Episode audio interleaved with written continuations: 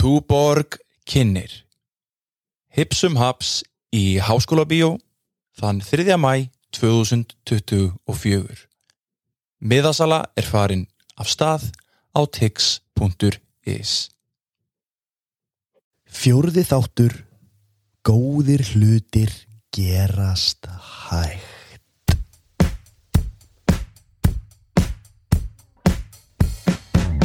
Gestu þáttarins er Gunnar Lárus Hjálmarsson Doktor Gunni Pöng, poppunktur, prumpulag Æfisagan skrifa sér sjálf En þarna vantar auðvitað svartkviti draumur, unun og þjóðskrá Við settum sniður uh, hérna í tónhill og spjölluðum um allan anskotan.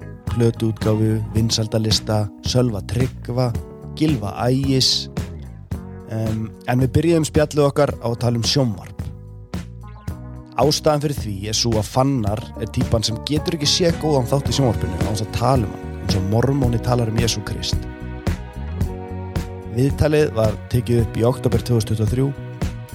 Doktor Gunni, gjör þið svo vel. mér finnst og, eins og Netflix ég einhvern veginn bara orðið svaka útvatna einhvern veginn ég er náttúrulega ekkert með sjónvarp heima hjá mér Ok, þannig að ég bara horfa á í svona villum síma. Já. svo er hérna Bíóparadís alveg hliðin á mér og... já, ég, ég er bara, veist, maður horfir á það sem er gott. Maður, er- maður er fljótur að heyra af því eða er, er eitthvað gott. Já, fólk hættir ekki að segja að mann er frá því. Nei, ég meina bara svona berst til maður eins og þetta hérna Squid Game eða hvað það hétt það hérna frá Kóru. Já, Já, ég hef aldrei hort á það Nei, og náttúrulega, veist, Black Mirror. Þó það náttúrulega byrja langsterkast og svo orðið verra. Já, nýja serían sem ég var að klára núna. Ertu búin að horfa á hana? Já, já. Það er frekar léleg sko. Já. Þetta er bara, veist. Samt svona bæði þessi, báða þessi þáttir eru svolítið svona ádeilur svona með eitthvað svona skilabóðum. Já, já, og líka að vera að sína einhvern veginn heiminn í einhverju ljósi Já. og hvað meira er hvað þú er nú örgulega gaman að því er þarna Adam Curtis er samfélagsrýnir hyperrealism Hypernormalization hypernormalization uh, Ertu búin að taka hana? já, já, Hvernig er er næst síðan? þrekkið tíma mynd nei, bara frekar nýlega hvernig leiði þér eftir það? Ég leið bara vel sko. Þetta er ekkert eitthvað vá, ma- ú Þetta er allt bara samsæri. Maður veit það svo sem alveg. Nei, gott. Æ, þú veist Það er náttúrulega Ég veit ekki hverju maður voru að trúa. En það er uh, maður allan að trúir kannski Bó Ágússunni frekar en hana, Margreti Freyristóttir að hvað hann heitir. Já, svona þú stillir þeim tveim saman. já, já, já. eða þú veist Guðrún Bergmann eða eitthvað svona nöttkes.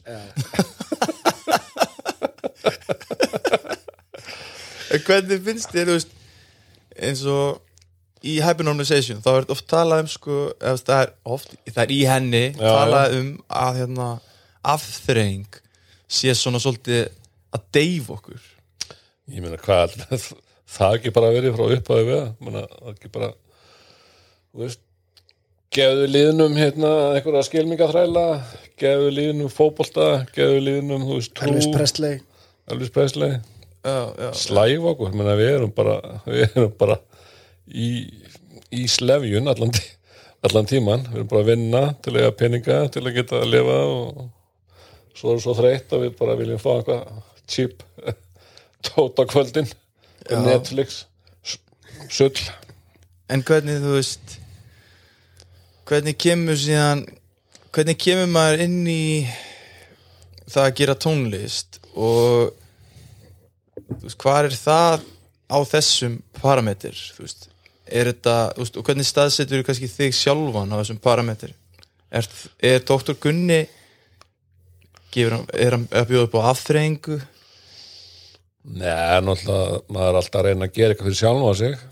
Og reyna, reyna að þróa eitthvað stíl og, og fá einhverja nýjar hugmyndir og leita fanga annar staðar en það sem að maður hefur þegar leita fanga. Og hann er dóldi full reynd með þetta, þetta pop rock sko. Mann orðin dóldi útlærður í, í þeim þeirri deild. Þannig að ég er dóldi verið að vika áhuga svið svona yfir í jazz svona jazz er er sýkarlega vítt hugtak. Getur bara sagt það er ekki hægt að segja veist, hvernig hljóma jazz, það er svo, það er svo margar tegundir. Já, bara, það var eitthvað sem sagði sko, jazz er eins og að segja sko, einu sinni var og svo, þú veist, kemur allt já, já, í já, framhald af því. Já. og það já, þegar mann ég er kannski búin að hlusta dóldi mikið á músík alveg í 40 ár eða 5, já, já 40-50 ár.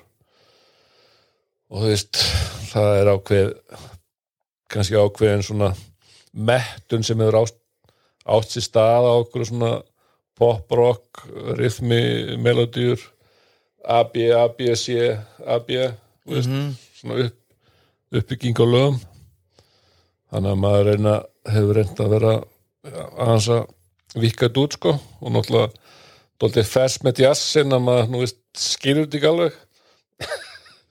Veist, og maður geti aldrei spilað þetta sjálfur sko því þetta er svo, þetta er svo flóki já, já, já. ég er um að tala um daginn hérna, er ég ef ég væri settur á okkur svona jazzklub með gíta, ef ég væri settur já, já, þá myndi ég bara byrja að flauta sko.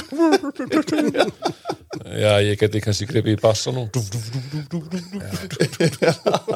Ég væri alveg mig. vollaug sko. Þú veist, það væri svo Já. það væri svo intimidating. Já, þetta er bara eins og ímyndað sér að maður sé markvörður í ykkur vítaspenningkefni Já, fólnust En hvernig finnst þér þá svona að því að fann á að líka að spyrja svona hlutverk tónlistar í þessu samhengi hvernig sér þú þá bara svona ef maður summar þetta út alveg vel sko bara hvað, hvaða hlutverki gegnir Við tónlist? erum náttúrulega að reyna að skemmta fólki Við erum ekkert að reyna að ég held að við séum ekkert að reyna að breyta eitthvað skoðan eða um, um lífið og tilveruna, við erum bara að skemmta og það er ekkert verða sko. En finnst þér alltaf hafa verið þannig Finnst þér alltaf hafa verið þannig veist, í sögunni, hefur tónlist veist, er eitthvað svona æðri þá er ég að hugsa svolítið um pönki náttúrulega. Já, er alls konar aðri aðri hugmyndir uh, dottu upp sko, það er náttúrulega alltaf verið tókstræt á milli þess sem að svona á að vera lámenning og svo það sem á að vera hámenning. Þannig að það, þetta er doldið búið að fleitjast út núna það er svona eiginlega má ekki segja eitthvað sé hámenning af því það er einhvern veginn þú veist, búið að jafnast allt út það má ekki vera að eitthvað, ann, eitthvað eitt sé betur en annað og því núna er bara einhvern veginn allt jafn, jafn gott eða jafn, jafn merkilegt. En, en náttúrulega fyrir nokkrum árum þá eða áratugum þá náttúrulega var mikil mikil munur á hvað hvað átti að vera fyrir bólinn og það sem átti að vera fyrir einhverja ráðseitt hlustandi menta elitu já, Jú, jú, það er náttúrulega ákveðin ákveðin munur í dag líka á þessu sko, menn að ég, þú farar ekkert umfjöllun á rás eitt í, í lestinni eða, eða viðsjá, já, það hefur gest það hefur gæst já, já blata tvö sko. Þú veit svona svona merkilegur. Já, fólk var reyna þau voru reyna að staðsetja mig í hérna, meikaða vídjónu Já, og það var hérna, náttúrulega svo gott vídeo. Já, það var helviti vel efna, takk fyrir það sko. var ekki, þau varst með allt, dótið hérna? Jú, þetta voru Já, 25 kostanir. Gríðilega gott vídeo. Og hérna, já, var mjög gott grín og svo Já, já, fylgdi, það fylgdi þessu gríni líka rosalega mikil samskiptaflækja og mikill peningur sem ég þurfti síðan bara bráðnöðsynlega á að halda. Fjármagn er að plötuna svona. Já, ég fjármagna aðra plötuna með meika myndbandinu og ég raun og verið, þú veist uh, það sem að var ég sleppti svo út í kosmosin síðan vídeóinu. Ég var búin að taka svona 50 símtöl á fyrirtæki og selja þeim slott í vídeóinu. Og þú veist, ég ætla, þú veist ég ætlaði bara síðan bara að gefa þetta út og þú veist, það var eiginlega engin eftirfylgni. Bara dýllin er þessi, getur öllisingaplás það getur orðið, þú veist uh, þetta er planið mitt og seldi þeim ekkert eitthvað svona falskan draum, sko, ég bara seldi þeim plaseringuna en konseptið mitt var náttúrulega bara það, bara eru, þú veist til þess að þrýfast sem tónlistamæður, þá verður að gera sellout. Og ég ætla að gera sellout. Mhm, mhm. þá ætla ég að gera það almennilega sko. og hérna bara var mjög, mjög ánægð með þetta þurftum að þurftum að klippa vídjóið síðan uh, ba- bara er enn og verið hvað, það var mjög stutt ég að átt að koma út en þá kom smá flækja það sem að hérna, ég þurfti að ég þurfti að taka afstöðu til Sölva Tryggva svona Mm. uh, þú veist hvort hann þetta veri í vídjóinu eða ekki Já, já.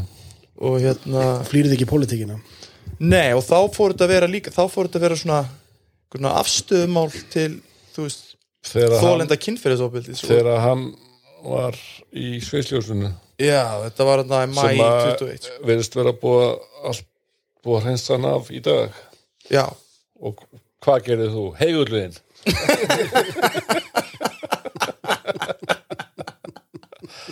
sko það voru, það voru ég tjekkaði í kringum mig. Á sko bæði kostendum bara Já. hvað finnst ykkur? Og ég tjekkaði líka uh, á bara listaða fólki þú veist ég tjekkaði á Prins Pólo hérna Svavari og hann bara að bara sína hann. Það er bara bara, sí- bara sína hann, bara hafa með. hann, þetta er já, þetta er já. og uh, Máni spurði mig bara er, hvað langar er margir horfa á þetta vídeo? Ég bara, uh, ég veit það ekki hann bara já, það er allir á Ísland að fara að horfa á þetta í höfðurum já, hann er með en þú getur eiginlega ekki verið með hann. Og, og ég svona ég svona vildi ekki þú veist ég vildi ekki, þú veist, ég, ég, ég, svona, ég átti mjög erfitt með að mér langaði að sína bara er þetta gerðist í þessari tímalínu. En þá var ég samt á sama tíma að staðsetja mig bara er þetta er samt ekki að þetta snýst um styður- fyrir mig. Þetta er svona ég er bara svona, er ég nenni ekki að blanda mér í þetta. Já, þetta er ógeðslega flókin spurning að svara þegar að þú ætlaðar aldrei að svara henni og þú, þú kærið ekki um að taka afstöðu en sama hvað þú gerir, ert að taka afstöðu það er mjög flókið. Já, já. Mjög flókið sko. Þannig að hann var ekki með eða hvað? Uh, Nei. Þú veist, og er þetta ekki milliviður ykkur eða? uh, Þú veist, jú svona, Þetta það kom svona svartu skjár bara this video has been removed by the user. Já, já. og Ég, já, ég hef nú lent í mjög svipuðu sko. Þegar ég tók hann upp plötuna Alheimurinn það sem að Frik, Frikki Dór söng lagast undir í heimi það var svona hittarinn þar. Það var annað lag sem Gilvi Ægisson söng. Og þetta tekið sér hann upp um, um sumar og, og ég fílaði þetta frábært. Gilvi frábær og allt frábært og svo hann leið tíminn og þá fór hann að tjá sig um, um, um geiprætt og einhverja, einhverja tippasleikjóa og Það er enginn að hugsa um börnin. Og væri bara einhverju homma sem væri þarna að reyna að hommu börnin og eitthvað einhverju algjör steipa og það var, þú veist, mikið þessi gilvi, hann er bara geði ykkur hann er bara rugglaða með það er bara ég aaaah Þannig að ég, ég var heigull, ég, ég tók, ég bara fór mjög ömulega leið, ég fekk hérna Solmund Hólm til að herma eftir Gilva og, og hann hérna, sko upprunalega upprunalega laginu það var bara, ég heiti Gilvi Ægisson. Og eitthvað, svo bara hérna kom sóli eitthvað, ég heiti eitthvað stuðmundur eitthvað. Já, ég man eftir þessu ég myndi segja að þetta hefur verið mistök, algjör mistök. Þetta var svona gott lag sko, en það hefði kannski náð meira flugi hins verið svona ég, þetta, meira var bara, authentic. þetta var bara samið vegna þess að ég sá Gilva á- á förnu vegi og bara, já, þetta er frábært. Og bara, "Á, nei, hann er á móti homum curveball algjör, er- algjör gungurskapur Þetta er þessi áhugaverða umræða sem hefur náttúrulega verið líka bara á heimsvísu með að, að skilja listamannin og, og tónlistin hans eða list, listamannin og listina og þetta dót sko. Já, að maður veit ekki alveg hvar maður stendur í. Þetta er svona, þetta er þannig siðferðisspurning eitthvað. Já, já, það er náttúrulega oft sem að maður veit ekkit hvað hefur gerst, en ég er náttúrulega vissi alveg að því það gæti að lesi hvað Gylfi var að skrifa. En maður gæti náttúrulega bara, hann náttúrulega bara rögla gaman minni, hann er ekkert að marka þetta. Hann meina vel. Við vildum vita hvernig tónlistamæðurinn Dr. Gunni varð til. Svo við spurðum hann. Þaðan fórum við um víðan völl og rættum um blötu útgáfi þá og nú. Ababab og auðvitað nökkvaðar fjallar bara eftir ég heyrði í bílanum þá bara fekk svona bílaði Hvar heyrður í bílunum? Var það heima hjá þér eða bara Já, Sjoppunni? voru þarna, það voru í 70-sinu voru mjög vinsalega svona tvær tvöfaldar sapplutur, ein rauð og ein blá það var einhvern veginn til heima hjá þér? Já, einhver staðar nálagt og svo hérna uh, áttum maður lítinn pening og var alltaf að leita svona litlum bílaplötum. Já, já, já, já. bara, já og bara mikið bíla, bílaæði og svo kom punk bara nýbylgjur rock og punk og, og bara, þú veist, alltaf ferðir í til Reykjavíkur og eitthvað plötubúðir býðistur útsölum En það er samt smá svona fer, eða, þú veist, það er smá stökk úr því að vera aðdáandi yfir í að fara að spila þetta sjálfur einhvern veginn, að fara svona sjálfur að minnst þetta, minnst það ekki það- svona áhugavert hvernig þannig verður til sko, því fannar náttúrulega vorum 27 ára þegar hann loksist þorir að Já, Ég var heigull frá því. Já, hefur ég, það bara sko, mamma mín ætlaði að fara að læra á, á gítar kom að einhver hagström gítar. Og það var einhver og hann- hún gafst bara að snemma upp á því og, og hann að ég tók gítarinn og, og það var hann að uh, kona frá Akureyri sem var einhverju námi og fekk að gista okkur. Hún var henni sem sagt uh, systir uh, máks míns og hún, hún kunni einhverja, einhverja hljóma gætt svona sínt með GCD og svo bara skiptur já, ok, og bara vist, fatta ég strax að maður gætt bara búið til lög bara með þessu örfá grip og svo bara bæta við gripum og þannig að kom mjög snemma upp þessi þörf að búa til músík og ég var fullt af svona stílabókum með einhverju lögum. Geðu kom til party. Ertu ennþá, ertu ennþá að fara í þess, þennan hugmyndasar? Nein, þetta er veist bara, þetta er bara kom til party, G strik, strik, strik, strik, C strik, strik, strik. Ég veit ekki hvernig þessi lög hérna hljóma en ég áreindar einhverja kassetu sem ég tók upp. Manstu hvað dreif þetta, eða, þú veist, var þetta bara svona wow, þetta er hægt hvað dreifði þetta áfram? Já. Já, bara, ég bara var alltaf eitthvað að dunda bara, veist, og þetta var bara tók yfir allt, allt hitt dundið. Já, og svo bara, já, stofna hljómsveit og hitt eitthvað stráka æfa spila og vera fyrir vonbröðum Og, hvað þú veist ákveða það að fara er eins og, eins og fyrir mig í dag ég og veru fyrir beint í það að taka upp og gefa út og ég kom með lag út af spilun á einfósundum á þessum plötusamning áður en ég stíg fyrst á svið. Já, en þú veist, back in the day day var það ekki meira þannig að þú veist, þú, þú fóst á svið spilaðir eitthvað að testa þér síðan kannski spratt upp úr því upptökur eða var þetta ekki alltaf fyrst að koma fram? Já, þú veist all, það það náttúrulega hafði ekki nefna því að fara í stúdíu en maður náttúrulega tók upp á kass þetta er bara. Mm. það, það var meiri hátt að kostnaður að taka eitthvað upp professional og það var ekki fyrir 85 sem við gerum það. Þá var kannski búin að vera í hljónsitt í 5 ár eða 6 ár. Og hvað hljónstuði það þá? Starkvítu drömmur. Og það var bara svo þú veist, maður þurfti að kaupa einhverja einhver teip sem að kostaði sko. Ég veit ekki á, á núverði kann, ég veit ekki 100 á skall eða eitthvað. Hvað nærðu eitt teip? ha, hvað nærðu eitt teip? já, þú veist það fór eitt í hvort að stúdíóið var 16 rása eða 8 rása ég held að það nú verið 16 ára ása, það var Studio Mjöt sem við fórum í, sem að Magnús í þeysurum og fleiri görar voru með þarna á, á klappastík og ný kellara fyrir neðan hérna herrleysingafélagið það var þetta gott. Hægt að spila. Mjög convenient. Já, ég held að Bubbi hefði tekið upp konu hérna setna og, okay. og við vorum að bara, já, eitthvað búin að nördla saman í þessar upptökur og strákur sem hétt Kjartan Kjartansson sem tók þetta upp. Við höfum bara efna á þú veist, 20 tímum í þessu stúdíói. Borgað þetta djóðsist teip og, og hérna borgað hérna Kjartani og og þetta var bara rosa peningur og að því maður bara einhver bara mentaskóla strákur og engin helgi góð þetta er að styrkja mann sko.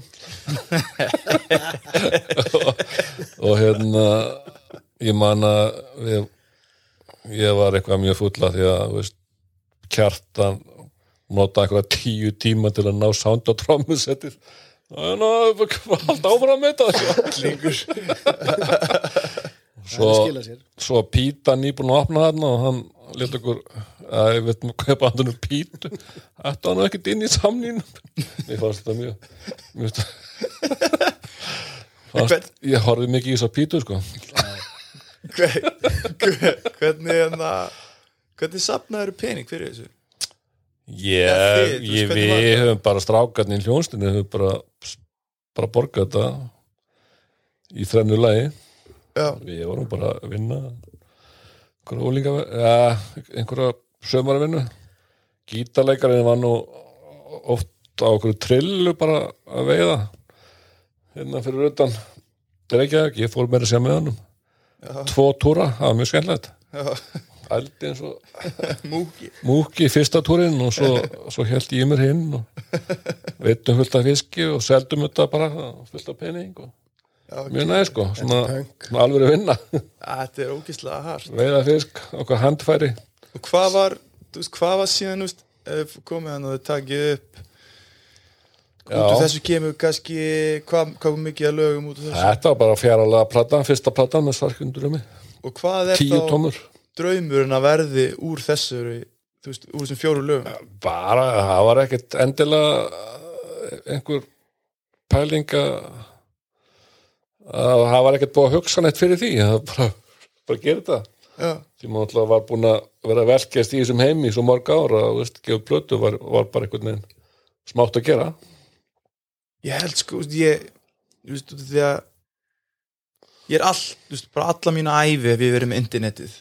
Já, já. og ég sé heiminn allt öðruvísi heldur en að vera ungu maður þarna skilur þú skilur þetta ekki. Því ég ég, ég, ég, ég, ég, þú veist, kannski það sem að býr veginn svona, það sem að interneti kannski gerir mér kleift að hugsa er bara svona svo, veist, ég sé svo mikið af heiminum, ég svo, svo mikið upplýsingum kom til mér, það er svo marga leiðir sem hættir að fara, ég get bara sóið inn í mig upplýsingar já, en þarna kannski er þetta bara, já, herru, ég þarf að kaupa tímaritt ég þarf að ringja eftir óskalagi og það eru tónleikar þarna sem eru auglýstir bara með plaggötum hér og þar um bæin og bara ef þú varst á þú veist, þetta, er er svo miklu meira komið frétta tilkynningar í blöðin. Já, Já, ég meina, þetta er bara gjörsanlega alveg tveir heimar, sko, menna, maður hefur náttúrulega upplifað þessa byltingu bara fyrir og eftir internet, þetta er bara alveg fendt ólíkt já, og náttúrulega, veist, fennir yfir hvernig allt var, veist, veist, engi farsímar, bara, ég var svona ofta að hugsa hvernig maður eiginlega gætt bara náði fólk, var það alltaf heima við síman að býða, hvernig, hvernig var þetta? Maður bara, veist, þetta er einhvern veginn svona fennir yfir þennan gamla heim. En þú ert náttúrulega tónlistamæður í báðum heimum. Já, já, og hvernig upplifur sko þegar við rættum aðeins hérna, og höfum verið að pæla mikið í þessari þróun hvort að það breyti þá þú bransinn breytist alveg klárlega hvernig þú gefur út en erum við að breyta því hvernig við hlustum þá líka? Já, vantarlega, er ekki, var ekki bara svona tölum um svona podcast, þá held ég að sé meðatali hlusta á hvert podcast fyrstu þrjára mínútunar. Þannig að þetta er öll mjög svipað bara með á Spotify, sko, bara fólk hlustar á fyrsta lagi á plötunni og, og bara skipa þar og allt eitthvað nýtt og nýtt og alveg s- end, ég sé endalust það. flæði ég sé það einmitt núna sko, platan er komin út og lagar nummer 12 er minnst spilað já, já, og hérna, þú veist ég, ég er kannski að fyndið að tala um þetta en, en það er svona Spotify sérin og þitt eigi útvarp þín eigin útvarsrás Mhm. og hún er bara svona hún er bara svona í gangi og svolítið fæðir bara inn í þitt mút alveg já. ég tjúna inn á gullbylgjuna því ég, ég vil heyra gamla tónlist eða ég tjúna inn á X, ég vil heyra rock og, Mhm. og þess háttar svo komir útastöðar sem eru 70s, 80s, 90s eitthvað hérna. Veist, Spotify með þetta allt cover að eitthvað svona mood playlistum sem henda manni. Flesti bíla konum með bluetooth eru allir konum með bluetooth, heyrnatól sem passa í vasan, þú veist, allt aðgengi og allt að tónlist er bara 24-7 dæmi og svo kostar þetta ekki, ekki shit, skilur þú veist, það. að vera með aðgengi aðatri þessari músík sem að þú veist, gerir kannski hvað segja, þetta gerir þetta svona aðeins erfiðara að fá fólk til þess að hlusta á plötu. Þú veist, ég, þú veist, mér er svo and um það þú veist, það sem að, það sem að ég vil er að, veist, ég vil er að allir hlusti á plötur mín að fara upp að til enda.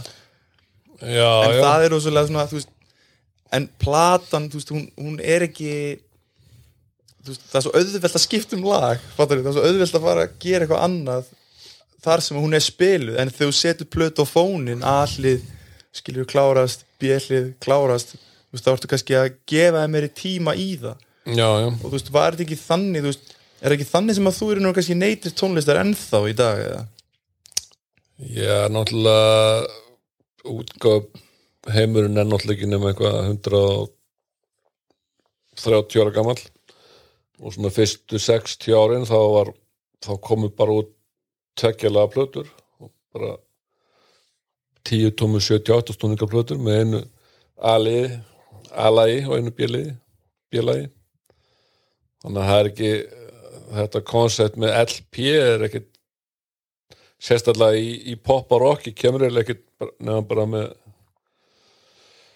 svona upp úr 60 þá er þetta fyrst bara þú veist rosa þá er þetta samt ennþá svona drifið af svona singlum og og mikið svona krapp sem að fylgi með á þessum Eitthvað svona kóðul og alls konar. Það er líki fyrir en sko já, kannski með Bob Dylan þegar hann byrja að gefa plötur þá kemur þessi hugmynd um að, veist, að LP-plata sé verk með 12 til 14 lögum sem öll lögin eru góð og myndar einhverja heild og svo náttúrulega þróast þetta áfram með bílunum og Pet, Pet Sounds og Revolver Satis Peppers.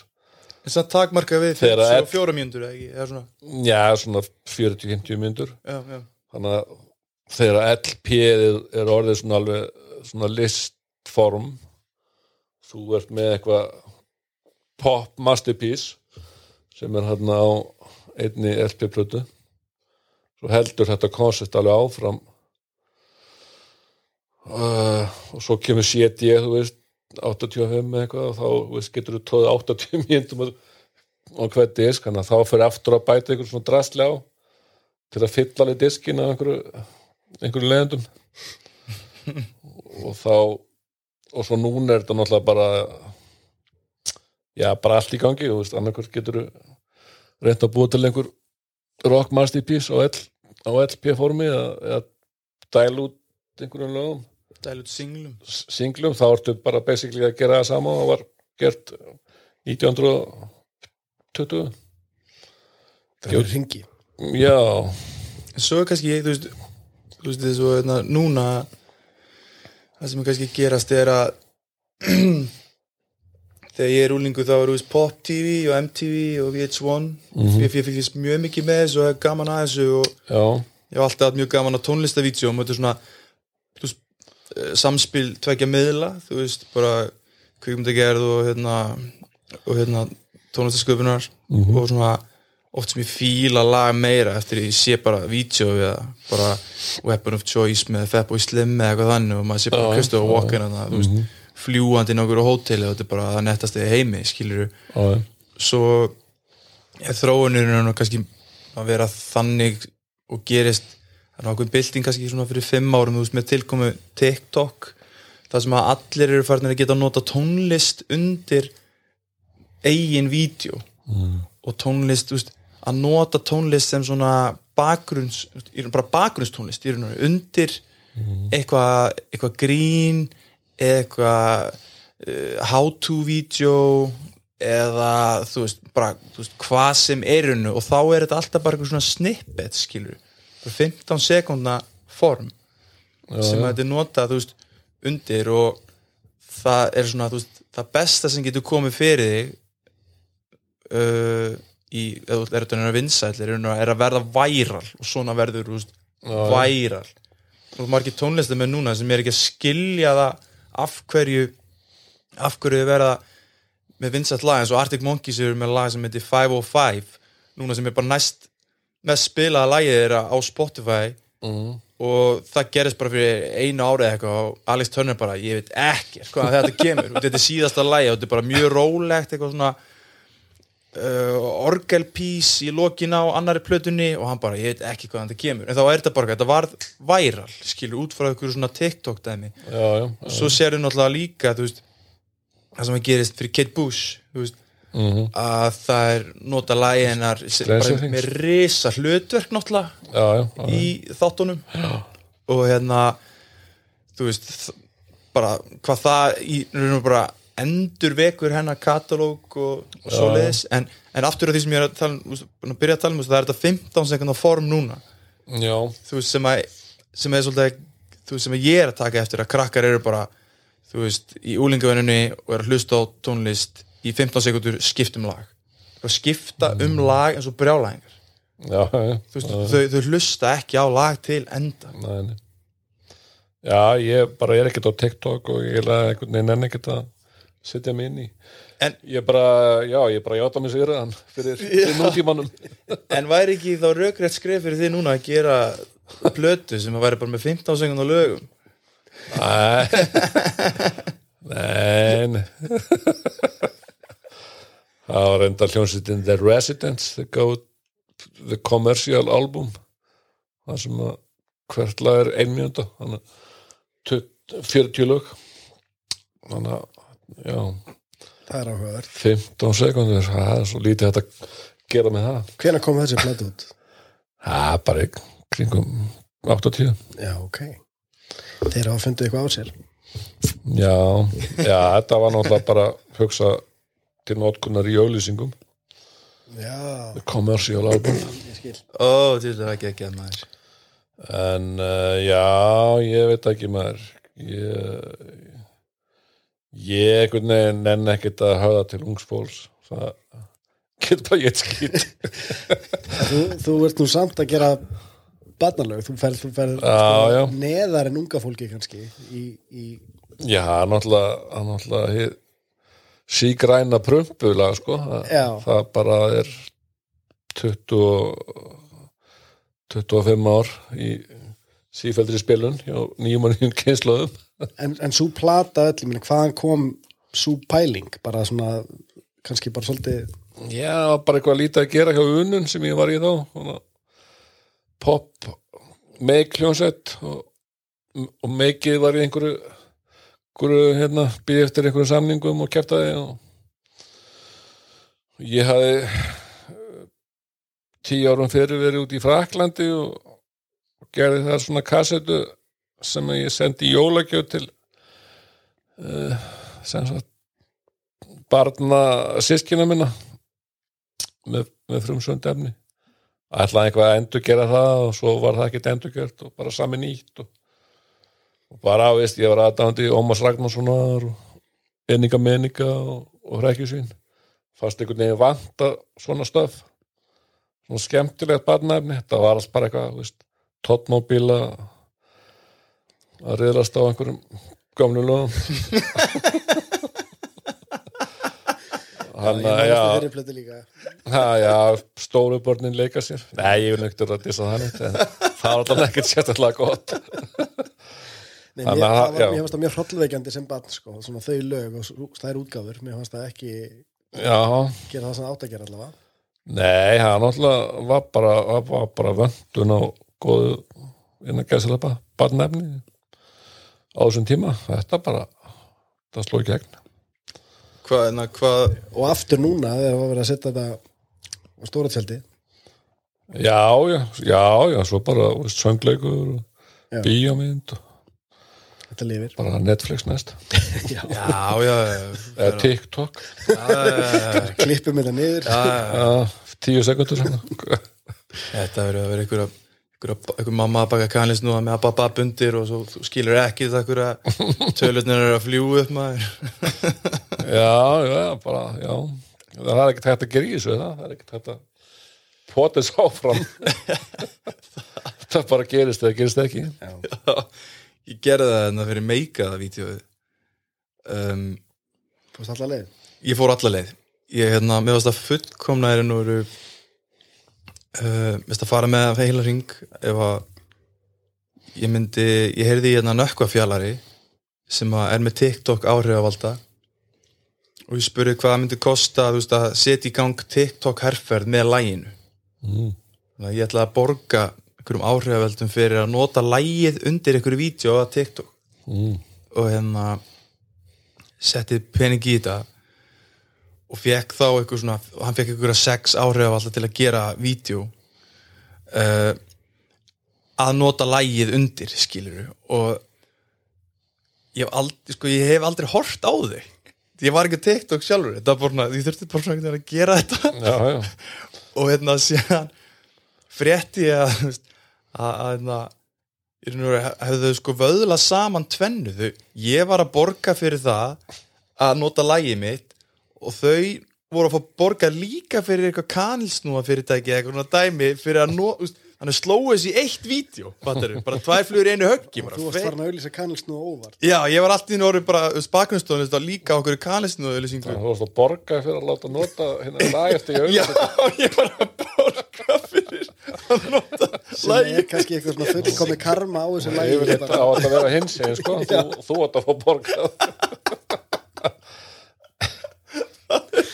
Ég hef aldrei búin í þessu Nökkvi fjallar er náttúrulega business snillingu sko, ef að þetta er eitthvað sem hann er búin að búa til þarna. Nicky Fjallar Já, wow. Shit, þetta er the grand scheme Og nú hlustar þú á auglýsingu. Ég fæ mig flati Flati á hverju kvöldi. Mm.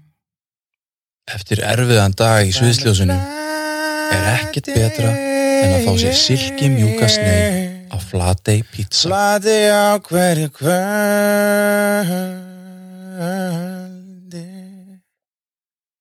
Flatey pizza. Alltaf í sviðsljósinu.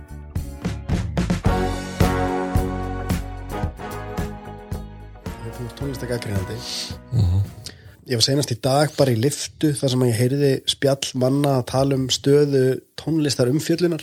Já, já. og svona hvernig, hvernig sér þú það hvað Finnst- liftu varst þú? Ég var í hátegi sem átti bara rúf já, já, Það hluta ára meikaði sens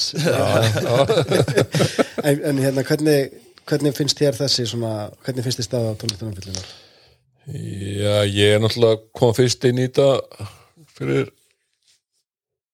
uh, 30 árum og var náttúrulega yngri og grimmari. Var mjög hérna, mjög grimmur og óhrættu við að segja skoða mína. Já. jafnvel full óhrættur og hérna já, náttúrulega einhvað sem að stendst ekki skoðan í dag sem ég sagði þá. En annað, menna gaggrinni, hann náttúrulega hvað á maður að segja, maður náttúrulega maður hefur einhvern smekk og svo hefur maður hlust ógislega mikið af músík og og getur einhvern veginn sett þetta í samingi við það sem hefur verið gert áður og, og aðalega bara tjá einhvern veginn það sem að maður manni finnst og á þess náttúrulega núna, ég er bara nýbyrjar aftur núna bara fyrir heimildina þegar að þau vildu að ég skrifaði þar og allt í lagi, þetta er ekkert big deal, gaman að fá plötur og svona. Að ég reynir nú bara að skrifa um það sem að mér finnst nú frika gott sko. Ég, ég er dóldi búin að taka út þetta að vera grimmur og leðlur Já, þú frekar þá bara, að skrifa. ég hef bara ekki, ég hef ekki í mér bara, Nei.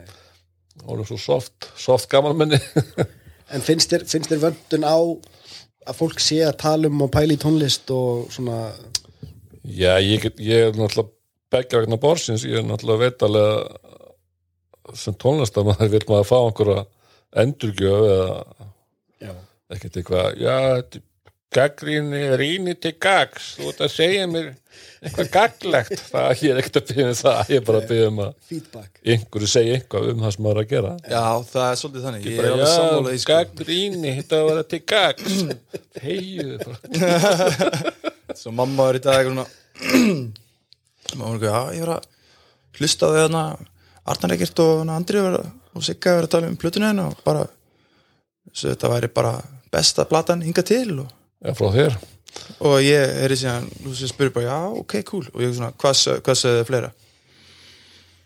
Sko, hann sagði að hann væri til í að heyra aðeins meira frá þér af svona og ég bara, æ, mamma ég er ekki að þóknast smekks einhvers eða bara, bara já, fyrir næstu plötu þá ætlum ég að hafa meira af svona Nei, nei, Nei, þetta er náttúrulega bara reikalegt ástand náttúrulega í fyrsta lagi eru engi fjölmjöla til lengur eiginlega. Og maður held kannski að einhverjir myndu gera einhverja tónlistar síðu. Maður náttúrulega verið reynt eitthvað eins og albúm og svona. Það hefur samt aldrei verið neitt almennilega gott. Þarf ekki bara eitthvað svona að þetta, ég held að þetta snúast rosalega mikið um bara núna á næstunni þú veist, er eitthvað sem að bara kraftmikill einstaklingur blöytur á baki á eirun sem bara, þú veist, eitthvað ungmenni sem bara skelli sér í þetta og bara veist, með passion og ástriðu og þannig verður til, bara snorri eins og snorri Baron var að, þú veist.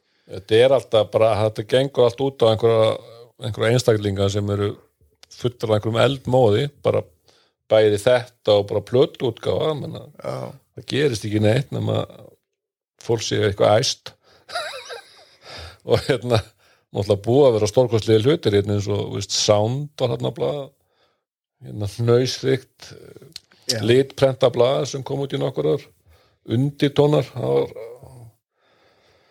í dagblaðaformi bara tímaritt bara sem bara voru bara músík þetta er náttúrulega frika gott. Svo fyrir nokkrum árum varstu með monitor hjá mokkanum fókus hjá DFF svo náttúrulega bara núna er þetta allt hægt bara mokkin það er engin að skrifa gaggrinni þar nema kannski Arnar ekkert einstakasinnum já, ég held að sé þannig ekkert mikið og minna mættar í þú veist, ég 1, 2 þú veist það sem ég hefur verið að pæli hvort það sé bara svona það sem hefur kannski bara, bara hefur bara þróast þannig er að þú veist bara tökum dæmi mig þú veist, ég þurfti ekki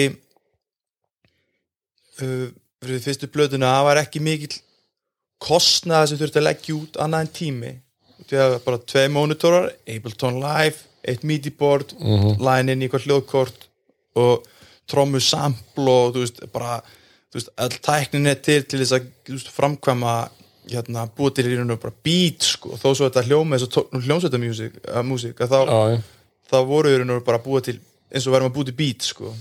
Og hérna síðan fer ég ekki með þetta neitt til þess að fá samþykki Nei. ég fer bara, ég bara fer á netið og DistroKit og ég bara gefi þetta út sendi síðan frá mér og bara vanda mitt í verka við það að búa til ykkur þú veist uh, búa til eitthvað lag og eitthvað, eitthvað artwork með því og fyrir eitthvað myndatöku og leta bara líta famælega út bara með minn bakgrunn og reynslu og svo er það kannski í höndum uh, bara útastfólks kannski að pikka þetta upp og hérna byrja að spila þetta.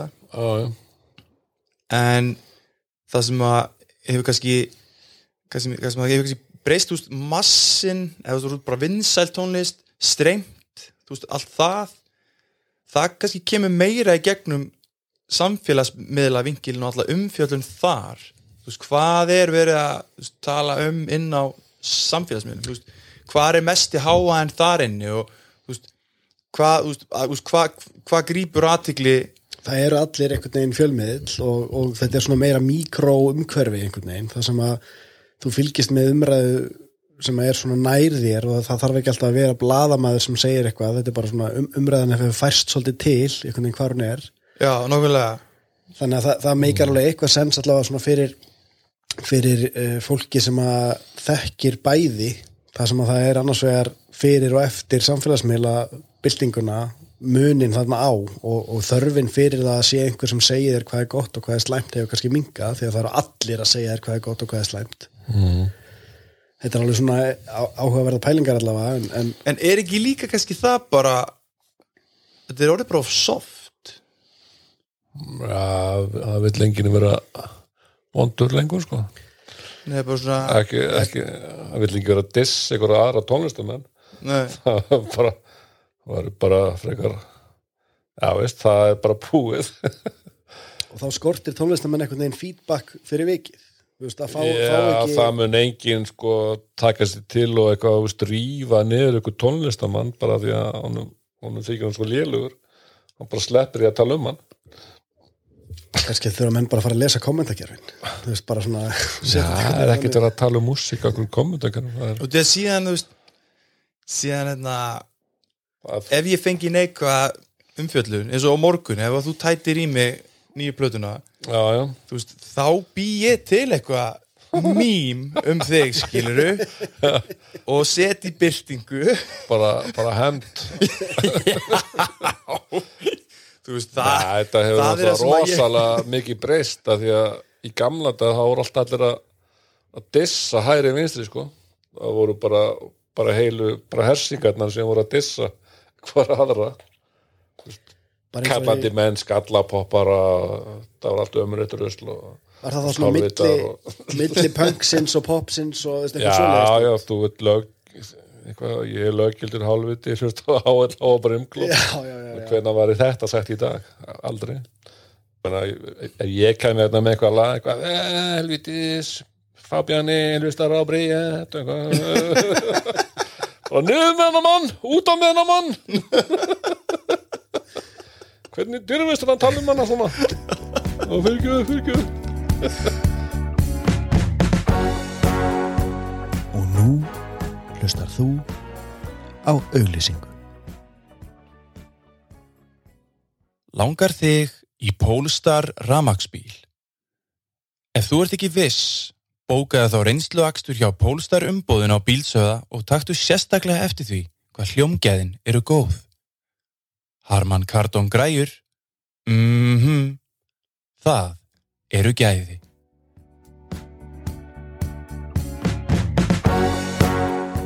En hvað ætlum við ekki að tala um lagið þarna? góður hlutir gerast hægt. Góða liti gerast hægt, sko, já, kannski, þú veist, eftir að við búin að fara, kannski, við vorum að spjalla um allan fjandan hérna, uh, þá kannski þetta lag er ekki að, þú veist, ekki endilega að fella múrin, sko, veist, ég er ekki að stoppa fiskeldi með þessu nei, þú veist, ég, ég, hérna, er kannski bara, Já. ég sagði, ég, ég, veist, þetta lag er kannski skemmtilegt fyrir, ég veit að krakkar eru mjög hrifnir hrifnir af þessu, Já, þetta ætti að vera, þetta er svona gott lag sko, eða mjög gott lag og Takk fyrir það. ætti að vera mega hittari í hennu fullkona heimi ég, ég segi í kakrin sem kemur á morgun að þetta ætti að vera við hliðin á fjólblátt ljós við barinn og disco frisko Yeah. í söngbók þjóðarinnar Vá, og ég, hérna, ég heyrði þetta fyrst þá var, var ég að kera með kærustunni til Ólasfjörðar yfir láheðina og var allt bara dimmt. Og, og ég setti þetta bara á, á Spotify og hafði aldrei heyrt þetta öður og þetta náttúrulega var maður, mann er alveg heyrði alveg strax að þetta væri hittari sko. Það er bara, bara stundum heyri maður það strax. En svo er náttúrulega oft sem að maður heldur að eitthvað sé hittari sem verður síðan ekkert hittari vegna þess að Í formi sko stjörnusbán er ekki eða eitthvað? Já, eða sko Þetta er eins og þegar ég var að byrja þá kíkti, var ég að skoða hvað var í gangi í tónlist og hvað væri ég hugsaði bara, ok, hvaða lag finnst mér besta lag ásins 2018 og ég setti það á hérna, lífert að grínast með. Chris Paul og mér varst það bara, bara geðveikt lag. Og ég hérna bara, þú veist, það var lagið mitt, mér varst það alveg kólið hvað er það með mikið streymi? Flettið upp. Og það var alls ekki mikið. Þannig ég er svona, ok, það er ekki allt sem að yfirfærist í streymi, þú veist, há, mikið streymi tengis kannski ekki gæði, þú veist, finnst mér. Og hérna, og hérna, bara svona til þess að finna nóg mikið af afsökunum fyrir þetta sé hittari, þetta lag, því að það, það er ekki að streyma eitthvað hefi, ég er ekki nú topp Ísland 50 eitthvað þannig, en við heyrum það öll að, hérna, þetta er hittari. Er, það búið að fara inn á vinslandalistar ás og tvö? Það er búið að fara inn og út. Inn og út og, og náðu einhver sætið það Jú, þetta náðu ykkur sæti. Ég, fylgis, ég veit ekki alveg hvernig þessi vinsaldalisti virkar. Ég, veit að, ég er á að- toppnum núna sko. Ég er ánægð með það í Ég er á eftir sæti sko. Nú. Með hjarta, það er alveg með tvö. Og það er ekkert eins gott lag. Nei, það er ekki. En ég, ég það er alltaf lag það er ekki eins gott. Það skilur enginn hérna vinslandalistar ás og tvö. Ég held að sé bara á, hvað sér Óli? Hvað hvað er að hafa hann Píluspjöld er, er hann ekki, ekki er ekki komið tími á hann? Er hann ekki bara nýrinn hérna? Nummer 13 hástakar í vikunar þetta er bara einhvern algjör steipa og, og náttúrulega á, á X-inu líka. Þeir eru að halda út einhverjum minnstandræðista hann er náttúrulega eitthvað mjög svipað það bara. Já, og ná, Ómar, hvað er það númer hvað er það hann hérna Þetta er rosa svo afstæð, þessi vinsaldalisti á útastöðunum Jú, auðvitað geta þau tekið saman hvað þau hafa spilað mest og er þá Já, mest hver ræður því spilað. hvað er spilað mest? Það er ekki eins og sé eitthvað hérna fólk alltaf að ringa já, góða megin gætur þú spilað fyrir mig hérna? Góðir hlutir. Það, það er það er ekkert ekki það, að gerast. bara, það er alltaf bara eitthvað hálfangið fólk sem ríkir í útarfi já, góða megin æ, það er nú aldrei gott veðri hérna.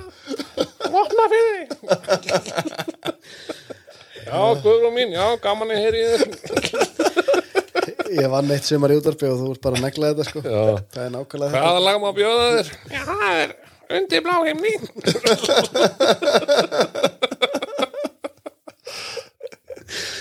Nei, ég mitt, þetta er mjög áhugavert sko. Það er báru fyrir sig allavega á tímabili að það væri eitthvað tónlistaráð Já. Og það var nú bara eins mannað og það var mannað einhvern veginn sko. Uh, Þannig að maður vill ekkert fara í En blandar núna viljum við náttúrulega ekkert segja sko því við erum allt undir þessu er ráði, ráði innan gæsalappa. Þannig að við þórum ekkert að tissa þetta. Nei, ég, bara við klippum þetta út Bara mikla virðingum fyrir þessu fólki. Þetta er óeigingja starf Þetta ráð kemur saman. Að ræðu ráði sínum Í næsta þætti setjumst við niður með Bergi Ebba og ræðum fortíð, nútíð og framtíð. En nú ætla fannar að tala um hittar. Góðir hlutir gerast. Takk fyrir að hlusta. Ég var að vinna í álverðin í Strömsvík hérna frá árið 2018 aðeins inn í 2019 og þú veist var á svona áltökubíl að sjúa bara eitthvað skriljón tonna af áli og blási ykkur upp og bara svona já harðkjarna umhverfi. Og örgulega bara síðasti staðurinn til þess að vera að dagdreima eða í ykkur hugmyndavinnu. En ég var mjög duglegur og mjög frjór á meðan ég var að vinna hana, að taka upp lagahugmyndir. Bara og uh, margt sem að var til á vöktunum þar sem að hefur síðan ratað á einhverja plötunum. Og þar á meðal þetta lag góði hluti gerast hægt. Uh, það er bara eitthvað voice memo sem ég dró upp á meðan ég var að vinna í þessari plötu. Bara já þessi pæling var heldur góð. Og bara góði hluti gerast hægt og þrjú æ það er bara eitthvað svona hei sniðu fannar dæmi og hérna svo að tengja þetta við bílinn minn þú veist gamla bílinn minn eða bílinn minn, ég var að menna bíl til afnota þú veist, pappi áttan en ég var alltaf á honum og litli bróðum minn. Uh, græna baunin eins og fytti vinnu minn kallaði hann alltaf. Það var kannski fyrsta lægi sem að ég var kannski komið með svona bara textið var tilbúin og svona formið á læginu var tilbúið. En í hvaða átt stílinn, hvert þetta maður að fara með stílinn var svona svolítið opið. Og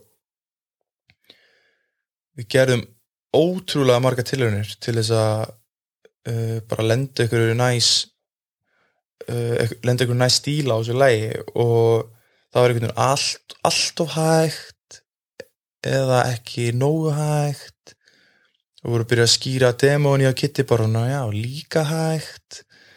Uh, bara svona, þú veist, það var hægt að fara með þetta í svo margar áttir en, en það mátti ekki vera of letilegt og þú veist, eitthvað húkun alveg bara flókin að syngja og svo bara ákvað ég að prófa gera bara svona four on the floor trommur sem er bara svona diskotrommunar skilur dum,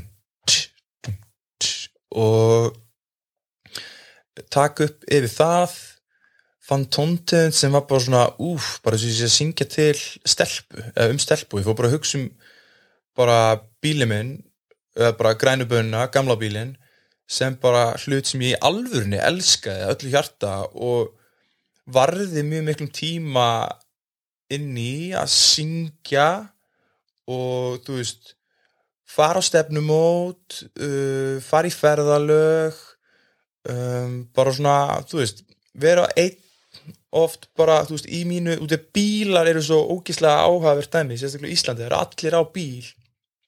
Og þetta er svo, svo verndað umhverfi. Að syngja í bílnum er svo að syngja í styrtu og þetta er rosalega svona hvað það segja, svona vulnerable tími stundum, bara að vera einni stýri. Þau horfið bara bílana stundum í kringu bara hvað er í gangi höstum á fólki sko? Og hérna ég hef alltaf fílað að keira og taka langa bíltúra og hlusta músík og láta hugan reyka. Og mikið af, þú veist, minni tónlist verið til þannig. Um, en aftur að læginu þetta átti bara að verða svona feel good döðans og mér finnst okkur að tekist það með þessu lægi og það bara lægi beður nafn með rendu, góðu luti gerast hægt bara geðið lengi að vera til og lenda sándi og öllu fyrir það sem var síðan svo rosalega gefandi.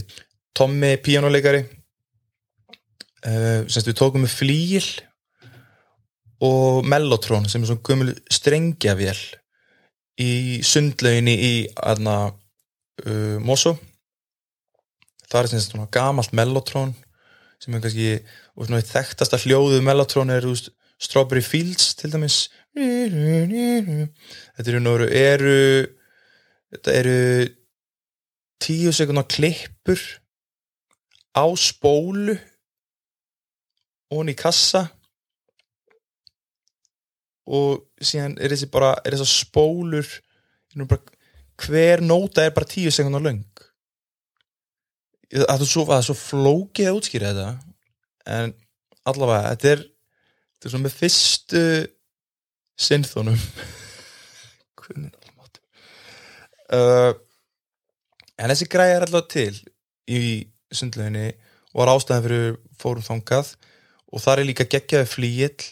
Þannig við tókum heilan dag með Tomma þar og takkum blöðuna, takkum flíill og meðaltrón og ég hafði bara svona ákveðin að sína og ákveðin hugmyndir en það að vinna með gæðins og Tomma er bara eitthvað svona veist, hann kann á hljóðfæri sko, og lifti þessu lægi bara upp á næsta level uh, með svona dun, dun, dun, sem að mér vist hafa svona svolítið meika og breyka viðlægi í þessu lægi bara um, taktur og pæling sem að ég hafði ekki séð fyrir mér. Svo tókum við saxa líka og það. Óskar tók upp ykkur að fimm típur á saxofónum át á lag. Uh, Rakel kom át að laga Fitti vinni minni, syngur bakur þessu lagi. Um, bara Eiki vinni minn spilar á gítar. Þetta var svona algjör fílgútt stemming og bara góðu tími í stúdíónu og við ekki bara mjög hérna, væntum með það lag sko.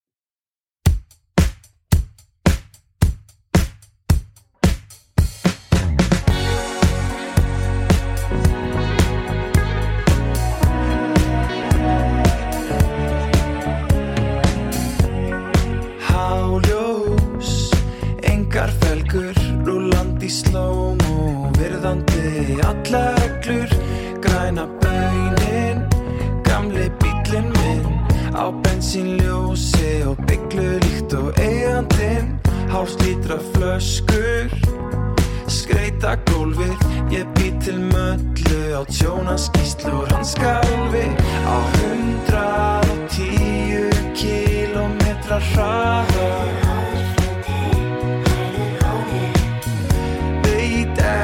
Hvenar við munum nema staðar? Með sprungið dekk út í vegkandi Rúðu þurrkurnar